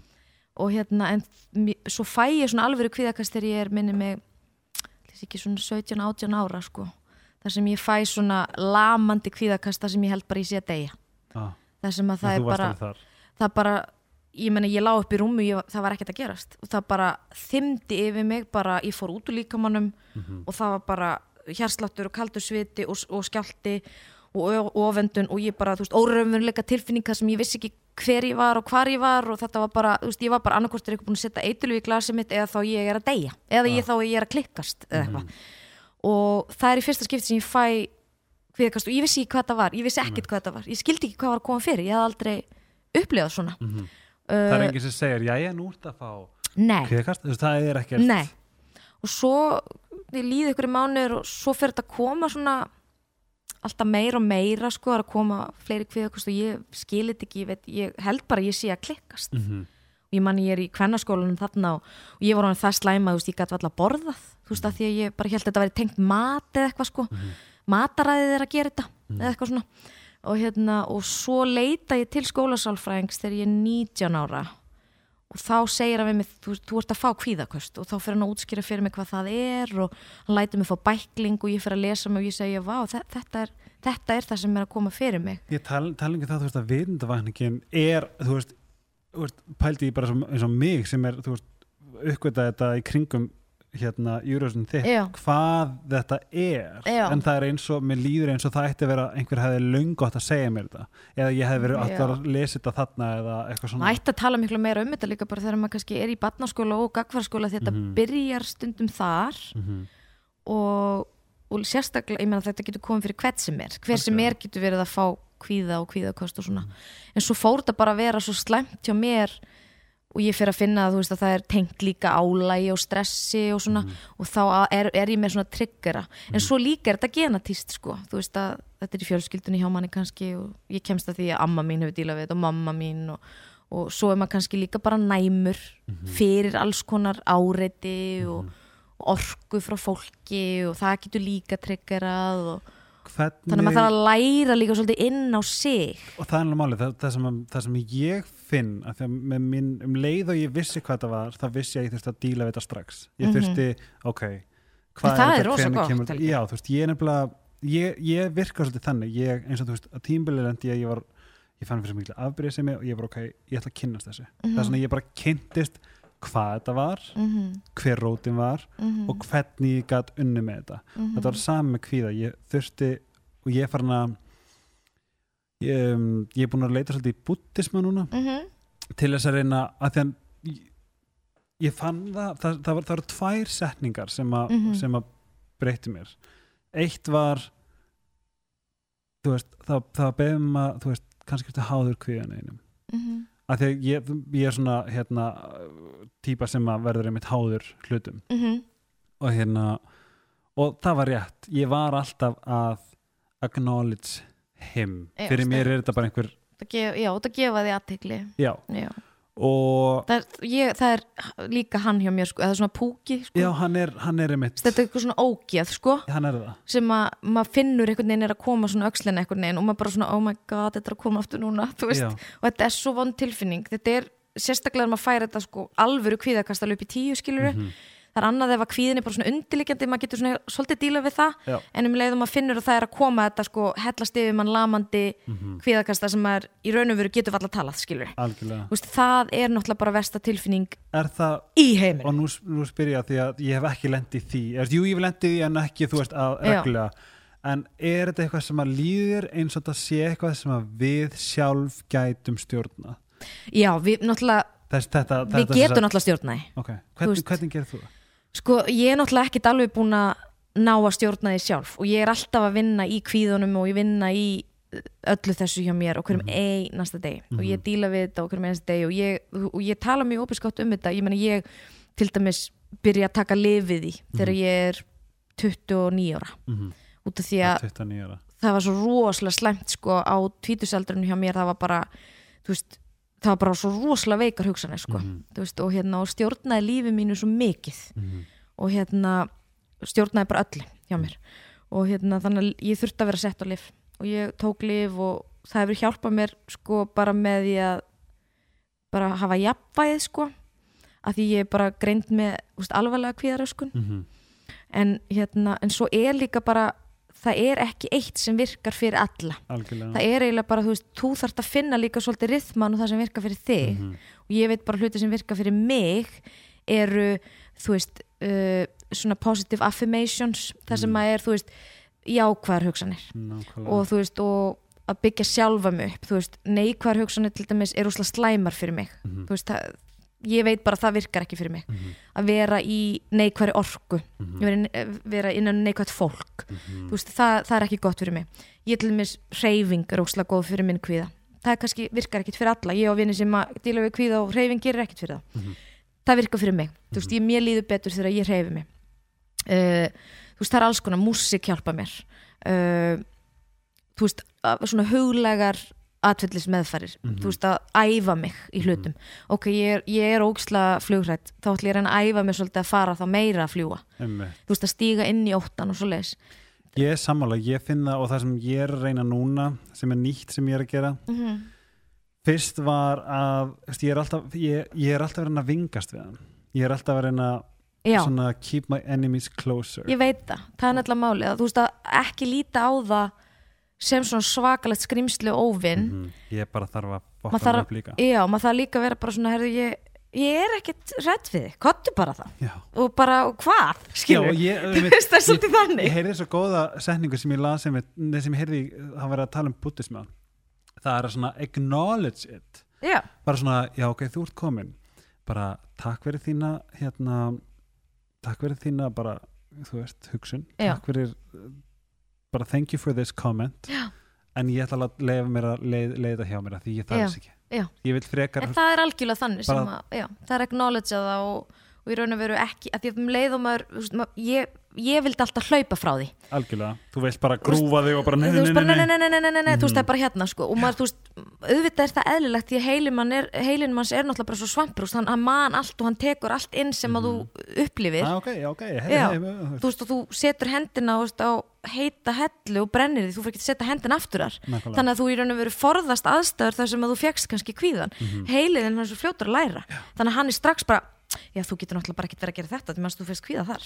Veist, þannig að þá ferði því hann vítarhing að vera hrætt við að fá saman. kvíðan nákvæmlega. Það- var það sem ég var dott inn í já, þann þá pakka, ertu sko. komin í sko vítarhingin að það er ekki bara, það er að koma kvíði þú kvíðin við að fá kvíða. Algjörlega, það var þannig eftir að ég hætti að drekka og þá Já. var ég alltaf að díla við félags skilur, félagslega og ég sem er mjög ég er félagsverð, ég er ég, opinn það er eins og ég líka, mjög Já. mikil fyrirsfyrir og ég var komin á það að vera bara, ég var svo antisocial Já, ég að ég hugsaði bara, og hvað ef ég fekk kvíða hérna? Innan um alltaf fólk? Og það haldi allir sér klikku nákvæmlega og ég hugsa alltaf bara hvað nei, veist, ég, ég ætla bara ekki að setja mig í aðstöri það gæti gerst. Veist, það sem að og það, það er eitt sem að ég lærði þess ég heyrði það frá Mary Angelou mm það já, hún var þetta, hún æði. Og hún segi, ok, ég verð að segja þetta ég og þú, ég veit ekki, ertu með ADHD Sko, ertu, með, ég, ertu með eitthvað svona ég, við ég, erum bæði búin að halda á einhverju puttanum já, ég er með eyrnalokki minni Ég er ég, með- ég er með OCD sko. Já það, það er smá OCD í mér. ég er með bara, ég, ég finna því við sitjum bara svo gett huggulega umhverju ég þurfti að vera að gera eitthvað. Já, ég er ekki með ringana mína þar sem Nei. ég tók eitthvað ég með svona plast Plast. utanum eitthvað gós og ég er bara búin að gera allt við það sem ég er að snúa hérna, ég er með svona eyrnalokk sem er ringur sem ég er að snúa að í snúna ringi allavega, það sem að hún kendi mér og ég er búin að tilhenga mér það mm það er að þakka fyrir. Ymmit, allt, nákvæmlega. Bókstallega ég veit það, það er þetta þakklæti. Bara takk fyrir þetta, þessa upplöfun mm hvað ætla ég að gera með hana? Já, veist, takk fyrir þessi, þetta komment en ég vil ekki nota það. Og ég að segja líka eitt að sko lífið er í raun og veru ein stór svona kjenslustund maður er náttúrulega alltaf að læra og því eldri sem maður verður Mhm. því betra verður það, trust ég me er, ég er náttúrulega freka gömur sál og ég, ég var Já. fullorinn þegar ég var 12 ára Já, og það, þú veist, og fólk er alltaf svona svolítið hrætt, þú veist, ó, maður er eldri og allt þetta, en sko, eins og ef þú ert að díla við mitt eins og, með svo þunglindi og kvíða og þú veist, og allt þetta dót, sko, með aldrinum þá verður maður náttúrulega, maður verður og maður verður vitrari og maður hefur meiri þekkingu og tæki og tól sem maður er búin að fá on the way, Mhm. sem maður getur notað og þannig að sko, það og verður bara betra sérstaklega líka þegar þú kveikir á þessu máli Já, þetta er ég- svona aha moment, sko Já, ég, ég, mér finnst vanta og ég hvet alla til þess að hlusta eins og vel að þið geti að því að það eru svo einfaldar setningar Mhm. sem að ef þú tekur þér inn þá geta þær bókstallega breytt lífi, Já. lífum hans. Það kom Elin Kristján sem var hérna í podcasti, Já. hún sagði mér svo einfaldar setningu sem að ég hef heyrt þúsundsunum, Mhm. aldrei pælt í henni yfirleitt leitt hann hjá mér en núna er hún bókstaflega að bjarga lífinu og það er þú hefur alltaf val. Mhm. og þetta var svo magnað að því ég bara svona ég, ég fann þessa setningu bara Mhm. Þú Skella hefur alltaf val, já. Ég meina, frjálst val, já, alltaf í það bara lífinu. breytti eitthvað Já. svo miklu fyrir mig. Já, ég veit það, ég veit það, það, Það er er, það er alveg rétt. opna hugan alltaf, þú opin huga þá ert að fara að keira á 100 km hraða í gegnum bara svona, svona bara andlega, andlega lærdóm já, en ef þú ert með lokað þá ertu bara 20 km að það er alltaf verið að tróða á þig í staðan fyrir að bara leifir þess að Koma þér. það er alveg rétt, það er alveg rétt, ég er svo sammála því sko. En það er ógst að gaman að tala um því að við erum greinilega á nokkuð seipum stað þegar kemur að því að það blessa litla kvíða ég veistu að að það er svo margir sem díla við þetta. Og ég, ég fann svo fyrir það eins og í Eurovision þegar ég, að ég, ég, held ég hef nörgulega bara verið fyrsti keppandi sem að var að tala um ykkur andli málefni varandi Eurovision, að því að mm. lægi náttúrulega bara fjallar um það. Mhm. að þá fekk ég náttúrulega bara svo rosalega mikið af skilabóðum ég sendi mér að Já, þú veist það voru bara skilabóðin voru að koma sko ekki, ekki bara frá Íslandinu, bara allstar á heiminum sko. Og það var svo útrúlega dýrmætt að heyra að fólk var að náttúrulega tengja og segja bara að, þeim fannst svo gott að vita af því að það væru aðri sem væru að díla við þetta og það er það sem er líka svo gott sem að mér finnst alltaf, þegar ég heyri fólk díla við svipa, þá er sem að ok, ég er ekki ein Mhm. ég er ekki eitthvað ein í heiminum að díla við þetta að því að það er alltaf það sem er, já, maður líður alltaf eins og maður sé svo einn einhvern veginn að díla við þetta og, og maður verður svo einmanna sko. Mhm. en þegar maður hugsar, ok, byrju, það er óksla margir sem díla við þetta og þú hugsa maður, við erum bara öll saman að díla við þetta. Og þetta er bara allt í lægi og þú veist, og það verður ok Mhm. og þetta er ekki svona mikið mál þetta er Sérstaklega- ekki svona alvarlegt Já, skilur, og þá sem- verður þetta allt einhvern veginn miklu minna mál. 100% ég fann það að ég ákvað þegar ég fattaði þetta mm þá ákvað ég að gera status á Facebook -hmm. og þetta var bara á ótrúlega góðum vilja gert og, og mér langar bara að kanna. Mm þú veist, hæ, hérna þá var ég nýbúin að skrifa held ég greina ég manni hvað ég var búin að gera eða, nýbúin í viðtalið eða eitthvað svoleiðis. það sem ég kem út.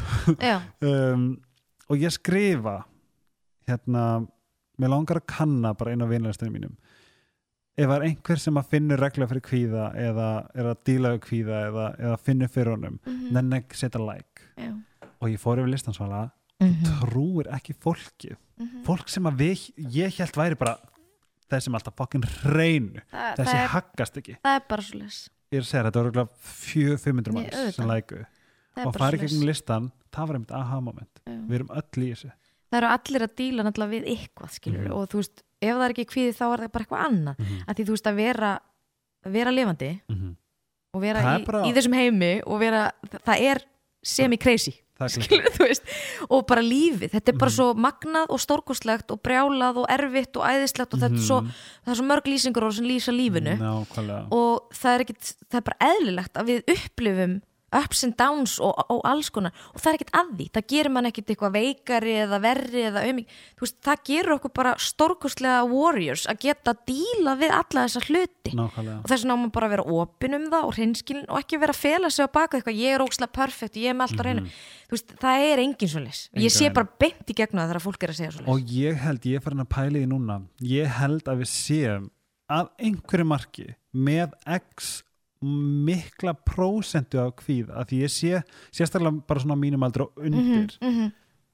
þetta virkar sem svo mikill áunin kvíði skilur, að því að, að því að bara þú veist samfélagsmiðlar, það er Já. alltaf fokk okkur upp En þetta er líka bara þetta nútíma þjóðfélag sem við búum í Já, er náttúrulega mjög mikil stressfaktor og, og í rauninu triggerar mjög mikil kvíð og það er Mhm. löngu, löngu bara búið að sanna það að, að þú veist, samfélagsmiðlar og allt þetta sem að við erum að fá í. andlitið mennsta Nákvæmlega. degi að hérna að, og ég mitt, þegar þú veist að tala um hérna bútism og það, ég fór mitt í svona smá þerapi út í LA, það var svona munkur sem var með námskeið þar.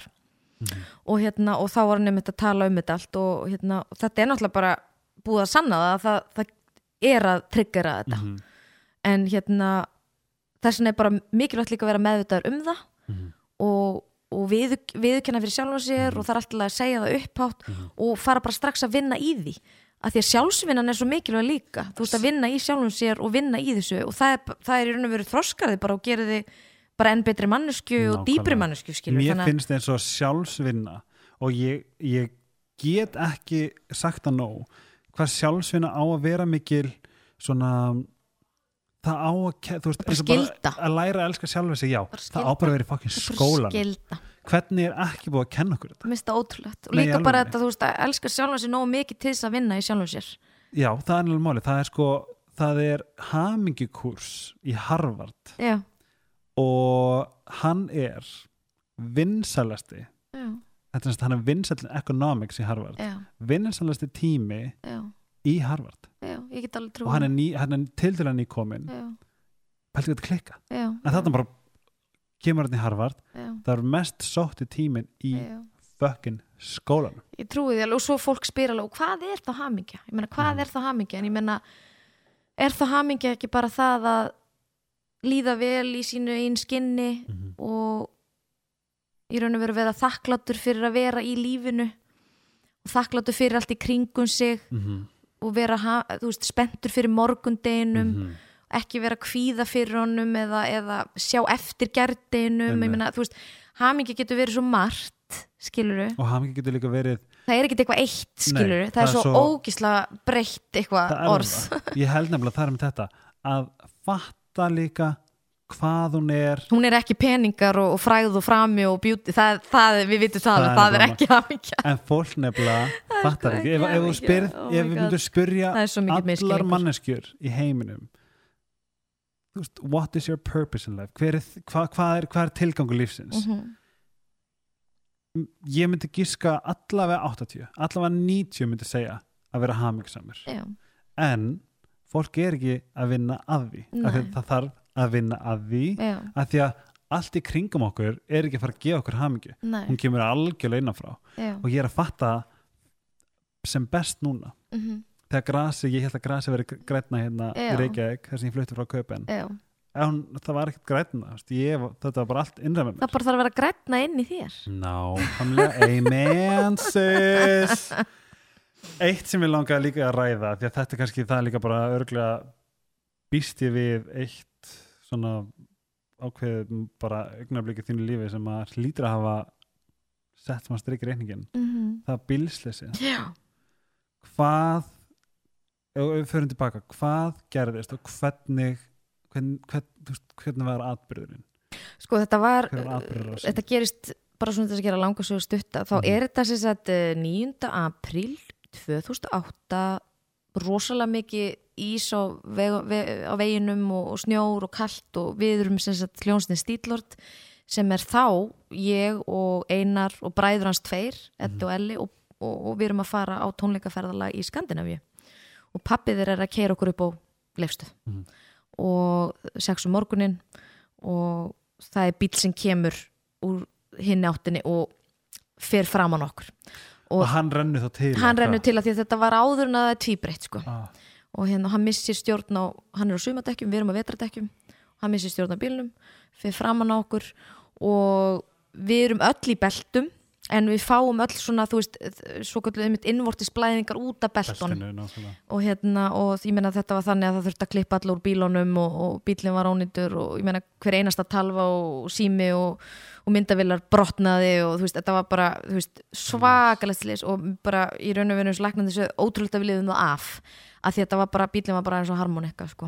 í alveg hérna mannst eftir þessu? uh, ég var hálf sofandi sko þegar þetta gerist ég var ekki í belti nefnilega tíu myndum áður um að bílinn kemur að því ég var sofandi en einar setur mig sem sagt í belti að því það er svo bílinn er að rása á veginum Vá, ég bara svona, ég fekk svona Bá, Já, og hann setur, setur mig í belti og segir, þú verður að vera í belti, bílinn er að rása því ég, alltaf þegar ég sé það vil ekki vera í belti sko, Mhm. fyrir þetta, náttúrulega ég er alltaf í belti núna því ég satt aftur í, varst í miðinni ég var við gluggan Ok. og eina var í miðinu með tveggja puntabelti Mhm. og hérna og ég er sem heitir Svepsavök og ég er á spítalarúmi í spítala og það er verið að keira mig eh, gang, á ganginum í, á spítala og ég sé svona ljósin þú veist í bara movie dæmi. Ljósin í, í hérna loftinu Mhm. og svo bara vakna ég og þá eru allir að öskra og það kemur eitthvað svona blátt framan á bílinn. Já, ok, þannig að ég er sofandi og svo kemur bílinn þannig að ég með dreymir að ég sé á spítala. Nei. Og svo þegar bílinn kemur að því ég er rifbjörnsbrotna á fullt af stöðum að þá náttúrulega missi ég súrefni, ég get ekki anda sko. Þannig að ég er allt í einu er ég meðvitaðlaus náttúrulega og hérna, en ég í minni consciousness skiluru er undir vatni er að reyna að anda undir vatni þannig að ég er að blása vatni úr mununum á mér og það er svona ljós fyrir ofan mig, alveg rosalega bjart ljós. Og það er eins og ég sé marga klukkutíma þannig, en það í raun og veru datt ég bara út í nokkra mínútur. Ok. og hérna, og svo vakna ég og þá stendur einar yfir mér og eitthvað hjúkarnakona sem var í bílnum fyrir aftan þú veist hvað heitur og eitthvað þá voru þið búin að taka mig úr beltinu og leggja mig niður og setja þú veist, snjó upp í munun á mér sem Ah. var öruglega þess vegna sem ég held ég væri í vatni og hérna og svo er ég bara, já, erum við bara sjúkrabílarnir koma, við fyrum öll upp yfir og það, það sérst, ripnaði lifurinn mín þannig að blætti þar út þannig að ég var sett á gjörgæslu Oh. og Eddi fór í aðgerð og hérna Elli fór, við fórum sérst öll á gjörgæslu þeir á landspítalan, ég og Einar á borgarspítalan Einar var mest lasaður af því að það í raunum hafa með tvekja punta belti Já. þannig að það raunum verið svona sprakk allt inn í honum. Þannig að það þurfti að það var uh, svona, þú veist, emergency uppskurður og saumaður saman á nýju stöðum og, og var í öndunum vel í þrjá daga og, og hérna touch and go hver einasta nótt þannig að þeir vissi ekki hvort það myndi lifa af og, og ég fekk að kveði hann þannig að fyrstu nóttina því þeir vissi ekki hvort að það, hann myndi hafa það af ég var í herbygginu við hliðin á sko og var bara, ég man ekki mikið eftir þessu því að þetta, ég var, maður náttúrulega var, var á morfíni skilur en mannstu hvað hvað fór í hugan að þér þegar þú liggur til dæmis upp í rúmi við er bara, þú ert þegar ég er á spítalunum þá eða? Uh, ég man eiginlega ekkert eftir fyrstu þremu nóttunum á, að ég er á gjörgæslu þá sko. Já. ég man eiginlega ekkert ég man eiginlega ekkert eftir fyrir en ég fær niður á landspítala á göngudeild og þá svona kemur sjokkið og þá fekk ég svona grátkast í marga klukkutíma. Mm.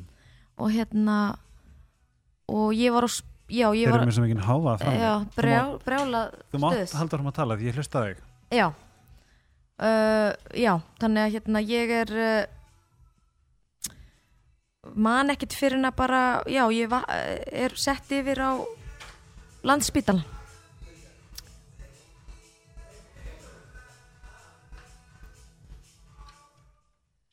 og hérna og ég er á spítalunum í eitthvað tvær vikur en einar er á spítalunum í fjóra mánu því hann fór í maðgar aðgerðir og það var rosa mikið vesen og sýkingar og þannig að hann var í fjóra mánu en svo er hann útskrifaður þarna í ágúst og þá fóru við bara stílort og tónleikaferðlega um alla Ameríku þegar hann er ný útskrifaður sí.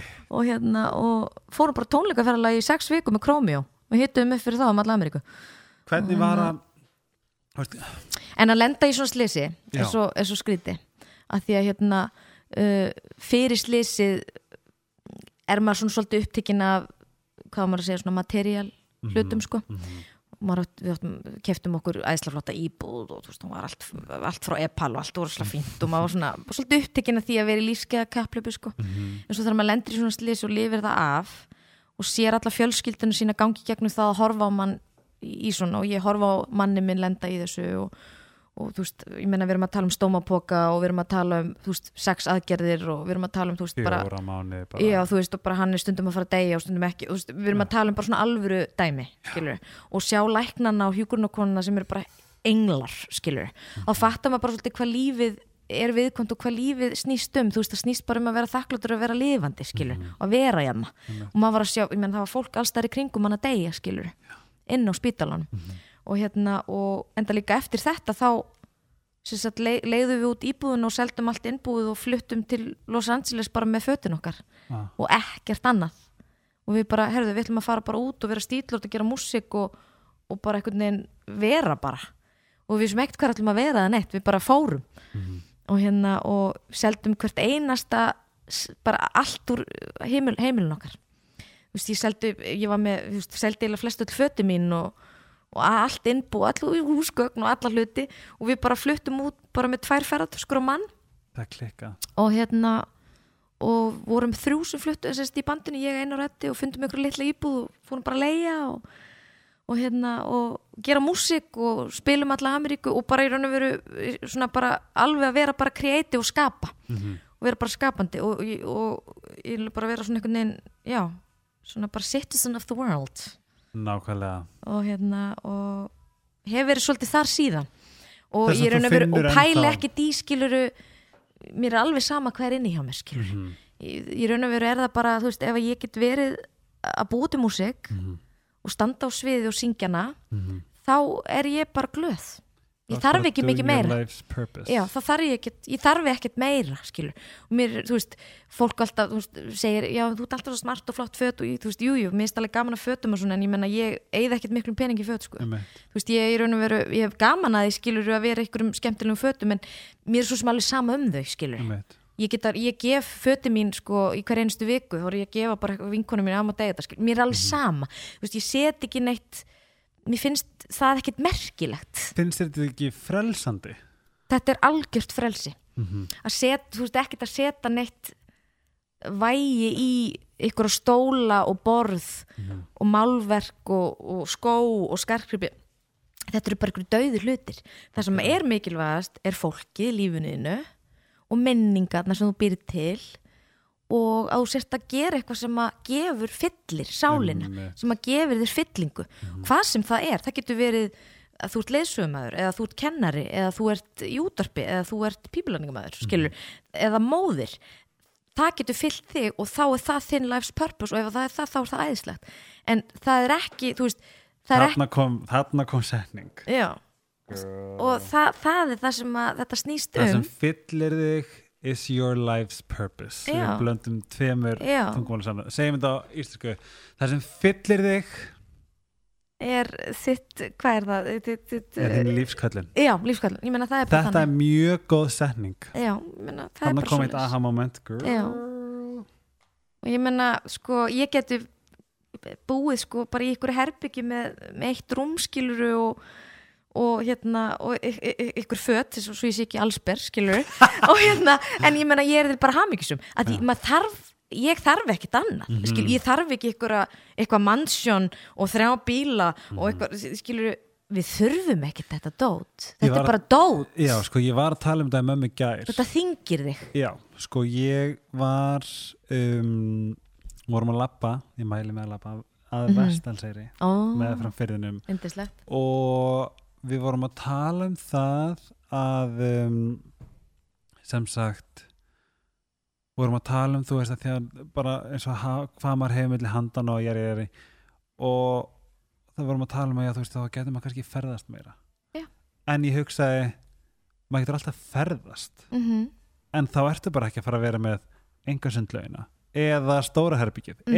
eða hotsvítuna þú veist, að því að og svo rættum við þetta enn en framar hversu mikið ánæðari verður í einhverju krútlegu bambashúsi mm eða einhverju svítu?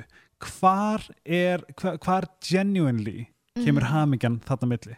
Ég held að sé freka bara þegar þú ert að upplifa segjum svo setja að ferðast, það er meira bara að þú einmitt, stendur og stendur og, já, eða stendur bara á torkinu í París og það er eitthvað gömul kona að gefa ykkur um fuglum skilu það er, það er tilgangur með því og bara með við það sem ég hef ferðast jú máli er þú veist við okkur finnst bara ga, þú veist að því við erum ungir við getum það og það er, það er, lagi. þægindi og, svona, og það, það er gaman að trýta sig það er Já. og ég er ekkert að gefa skít í það. Fólk má gera nákvæmlega það sem það vil Já, en það sem, það sem ég ætla að segja var að ánægjan úr þessum ferðum mm þau eru nákvæmlega sem þú ert að segja. Barni sem þú ert að kaupa eitthvað litla kipa af og Já. brosir. Já. eða þú huglegir í sjónum. Eða þú ert með kærastaninum og þér að hlæja og það er eitthvað moment og það er súminning það, það er minningin Er skilur og það er ferðin. já. það er ánægjan á bakvið allt saman, all, allt þetta ferðalag. Að því að sko lífið er í raun og veru bara svona þetta er svona samansapn af minningum og, augnablikum og og, og, og vali. Já. Hvað þú gerir skilur Nákvæmlega. og hérna þú veist og svo er bara eins og þú veist fólk má gera það sem það vill. En eins og fyrir mig persónlega þá, þá þarf ég ekki alla þessa hluti skilur það, er, það er í raun og veru bara mitt, það eru þessar minningar það er þessi augnablik. Og það er þú veist að, að geta staðið á sviði og sungið fyrir annarkvort tíu manns eða tíu þúsund manns, það skiptir ekki máli. En þú veist, það að fá það tækifæri að gera það sem þú elskar það, það er bara veist, það er svo ótrúlega dýrmætt. Einmitt. og maður má aldrei líta það sem sjálfsagan hlut því það er bara gjöf. Það er svo mikið gjöf að fá Nákvæmlega. það. Bara svona já, þetta hérna er bara gjöf til þín að fá að gera eitthvað sem þú elskar að gera og fyllir þig. Það er bara stórkoslegt þannig að bara þakka fyrir allt, allt meiri sem að það slæma því að stundum kennir þá kenn, það er bara sometimes you, veist, win, sometimes you learn. Ná, nákvæmlega. og það er bara þannig og maður er alltaf að læra. Vákvæmt á góð satning Sometimes you win, sometimes you learn. Já, það er svolítið það er Girl, þannig. ok. Svala, í lokin. Já.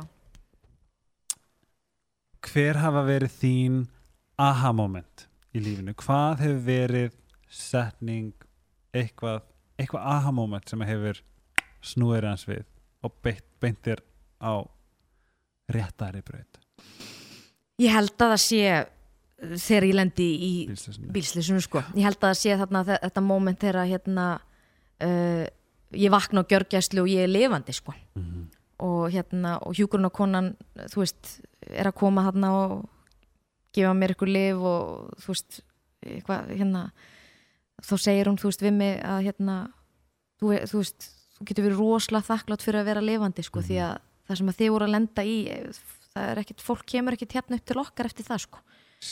Og þá svona bara hugsa ég bara, vá, ok, þú veist, núna einhvern veginn, núna byrjar bara lífið, sko, þú veist, núna þarf maður að vera, þú veist, þakkláttu fyrir hvern einasta dag og það er þetta þetta moment núna bara, þú veist, að ég sitt hérna móti þér og er að horfa í augun á þér og tala við þig það moment er ókslega dýrmætt, skil, og maður þarf að vera ókslega þakkláttu fyrir það og nýta það og, og hérna og vera í því, vera í momentinu.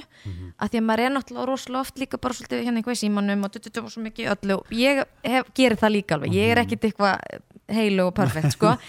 En maður, þá, þá stundum maður slá sig og segja bara, herru, ég þarf að vera hérna í þessu momenti að því ég er að tala við þessa frábæru mannesku Já, skilur við, og hérna það er bara, það, það- það, það var aha momenti mitt sko. Og ég við ekki það alveg að, að bara þetta að fá að setjast niður og við erum bókstala fólk sér okkur ekki en við setjum bókstala á móti hvert öðru. Mm og erum að horfa í augunni hvort öðru. ekkert að tröfla okkur. Ég þarf að hreyfa músina hverja 20 Já. mínútur eða eitthvað en, en við erum bókstala búin að horfa í já, hvert öðru. já, við erum bara að tala og saman mér finnst ég búin að hafa lært fullt að þér.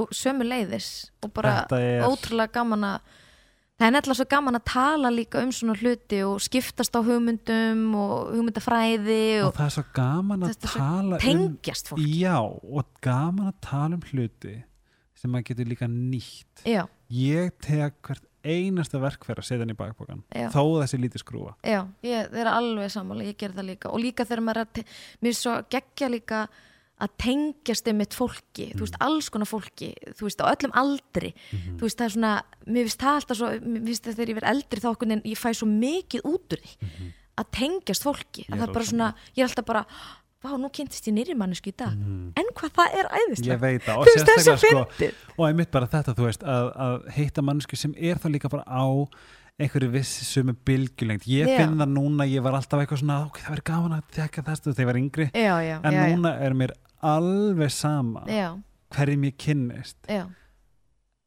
en ef að ég kynnist einhverjum sem ég veit að mun gera mig gott og Mhm. næra mig og eða Mhm. getur, við getum einmitt skipst á einhverju.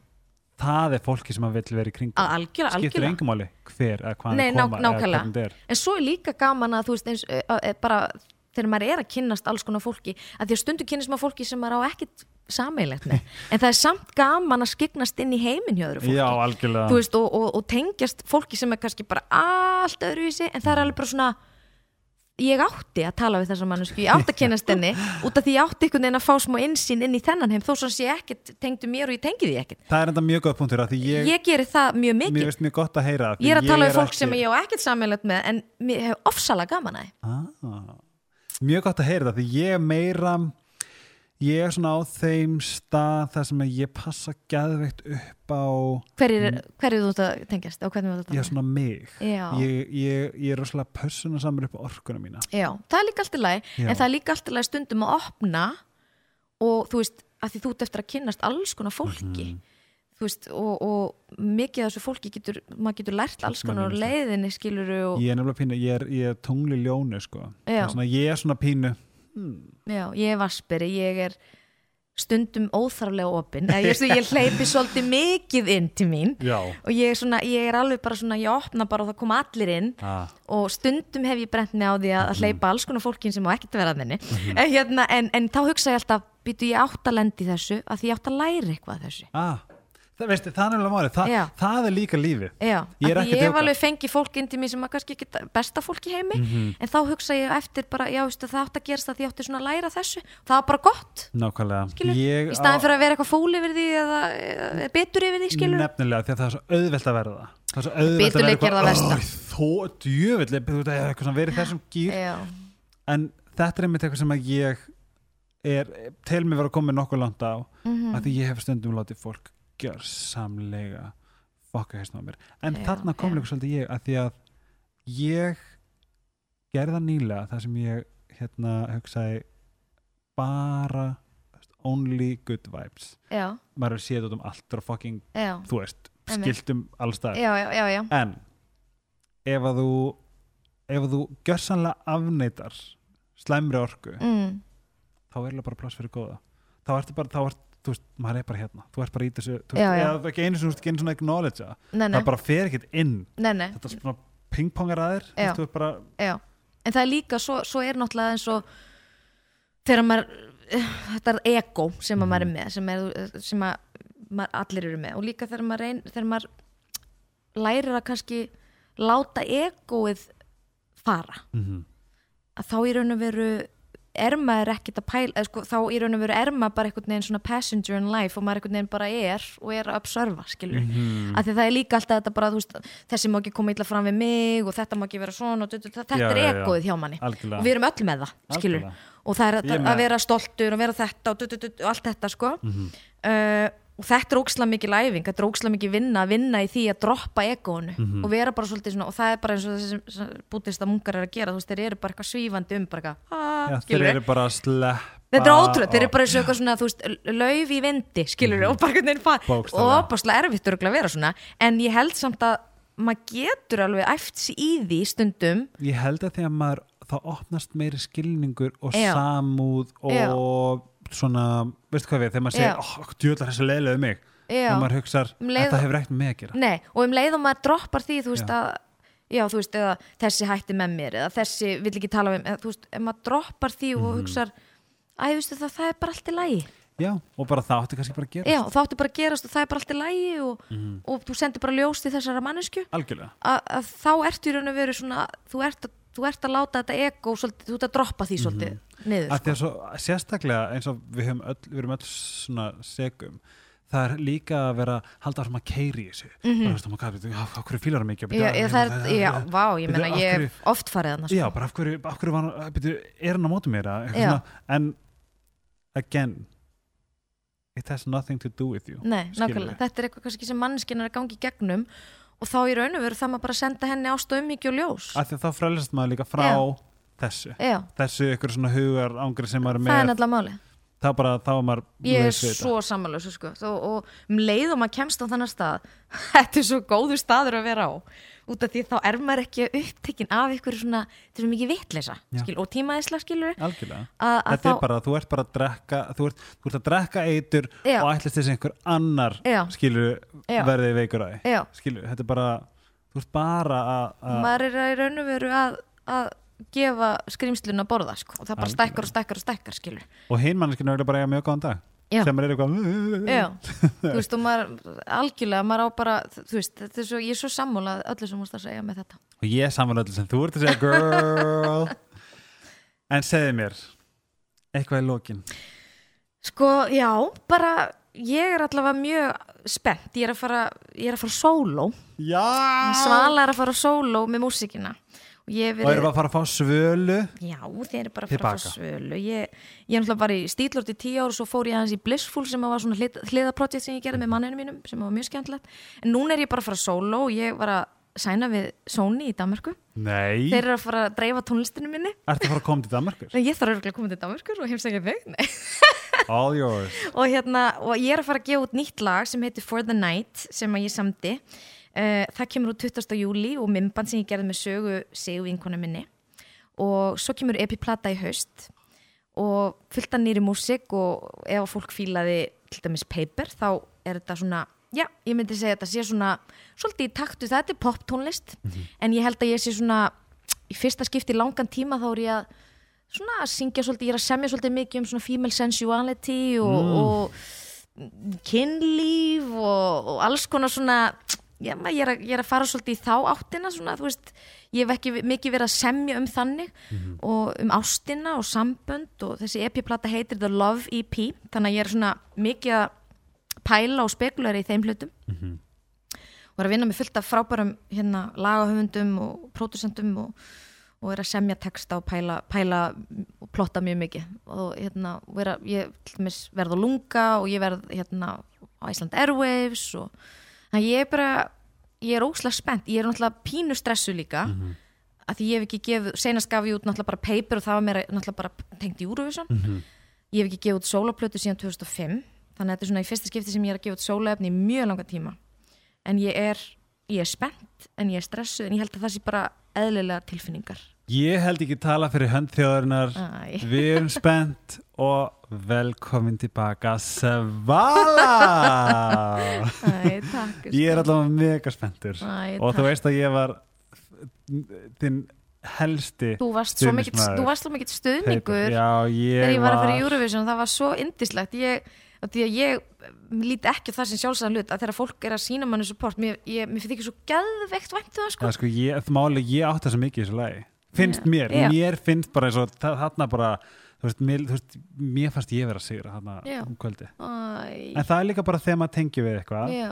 þá eignast maður eitthvað í því það er eitthvað sem maður tekur að, sér. enda líka þegar ég var á þessu sviði úti þá var ég svo ótrúlega mikið að syngja fyrir alla sem voru að stiða mig. Einmitt. ég var bara svona, nú ætlum ég að gera þetta fyrir þau. Mhm. það er bara þannig. Og þá fór ég bara nút og ég söng einhvern veginn fyrir þig og alla sem voru að stiðja mig þú veist það, það þú ætlaði að rústa keppni fyrir mína parta Æ, takk. Girl, takk fyrir að koma Takk fyrir að bjóða mér Takk fyrir að bjóða mér. Þetta er, var bara æðislegt að sita hérna og tala við. Og þetta var svo gaman að því að við bara, við, við bara, hér gerum að- þetta núna. Við vorum að bonda já, og við gerum þetta líka bara, við bara ákvæmum að það, gera þú þetta veist bara, getur þú komið núna? Ég er bara já, ég kem núna. Ég er að segja þegar þú sagði þetta, ég bara svona En þú veist það, það er því það var meant to be. It was totally, Uh, totally meant to be. Svala, við erum svo spennt að fá þetta allt aftur. Já, fá takk. þig aftur og bara, þú veist, við passum vel upp á sko. Þið finnir svölu á Instagram Svala Kali. Yes. Þið finnir hann á Snapchat á Svala Kali. og er það Twitter? Ég er ekki á Twitter Nei, En ég er á enginn á Spotify, það er svala. Spotify Svala þar sem ég geti hlusta aftur á Real Me. Þið finnir mig á Instagram Helgi Ómarsson, Snapchat Helgi Ómars og trennet.is skástrík Helgi Ómars. Ég þakka svo mikið fyrir mig Takk fyrir mig, kæra Svala. Takk fyrir mig. Við sjáumst í Já. Sjáumst á lunga, aðra lunga. Bye. Bye, bye, bye, bye. Þú ert að hlusta á helgaspjallið á 8 FM